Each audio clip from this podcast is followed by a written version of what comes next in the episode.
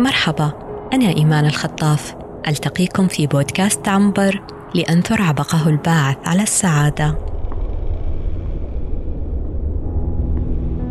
الجلوس في البيت فكرة مخيفة للكثيرين.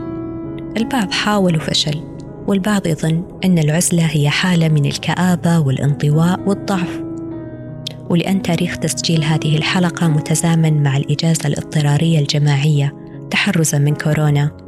فإن العزلة علمتنا أن الكثيرين لا يعرفون من يكونوا مواجهة الذات يمكن صعب وفي ناس عندهم كثير من الشخصيات المختلفة شخصيات متقلبة شخصية لمدير العمل وشخصية لشريك الحياة وشخصية لعامل القهوة وشخصية لرجل المرور أشخاص مختلفين داخل جسد واحد صناعتهم فوضى الحياة.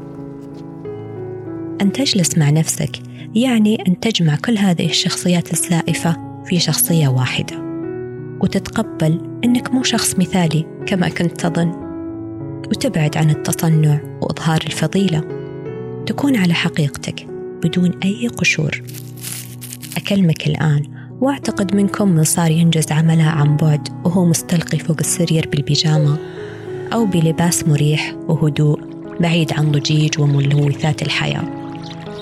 مو مضطر يلبس ملابس أنيقة لاستجداء ثناء الناس ولا هو مضطر لوضع عطور فواحة ولا ميك اب يرهق البشرة ولا لتملق الابتسامة وتصنع الضحكة ولا لنحت الجسم وتجميل الوجوه حسب المعايير السائدة في الإعلام ولا لتصديق كذبة إنك ما تقدر تفكر إلا إذا شريت كوب قهوة يوميا بعشرات الريالات ولا لفخ ربط اللقاءات الاجتماعية بصحن كوكيز مشبع بالسكر والدهون.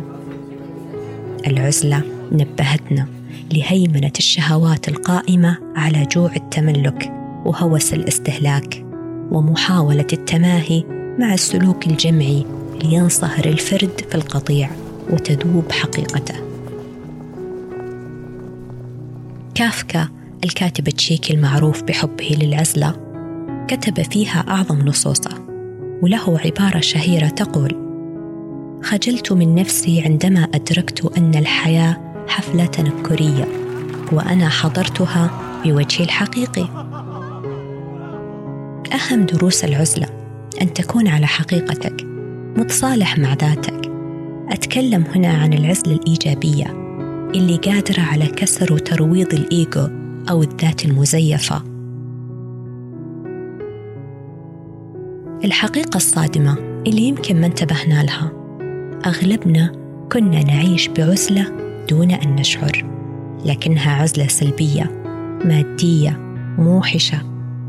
قبل كورونا كنت تاكل طعامك وحدك في break العمل. تمضغه بسرعة قبل انتهاء ال break. وبعد ساعة تنسى أصلا ماذا أكلت. لكن الآن تأكل مع أسرتك. طعام مطبوخ بالبيت. تتلذذ بمذاقة. صرت تهتم بأهلك. تقوم بحقوق والديك. تراعي شريك حياتك. تعلم أولادك بنفسك. تحاول أن تستمتع معهم وتبتكر أفكار لأنشطة تجمعكم. تشعر بالامتنان لأكل البيت وأنس البيت ودفء وأمان البيت. صرت حر وقتك ويومك. أنت الآن تمارس حريتك في أعلى درجاتها. يقول أبو الدرداء نعم صومعة المؤمن بيته.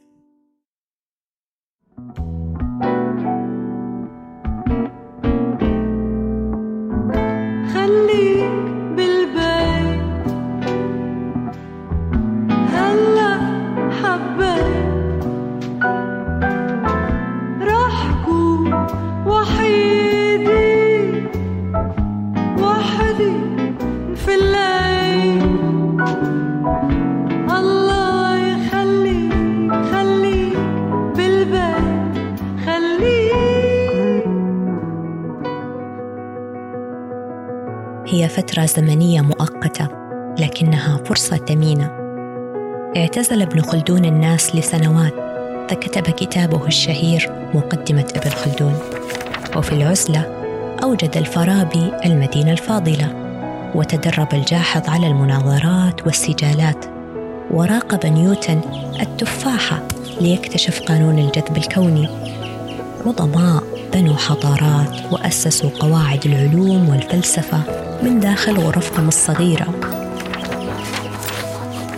اغتنم عزلتك بإعادة النظر في الأمور التي اعتدتها وصفاء الذهن ومراجعة الذات لأن الحياة ستعود كما كانت.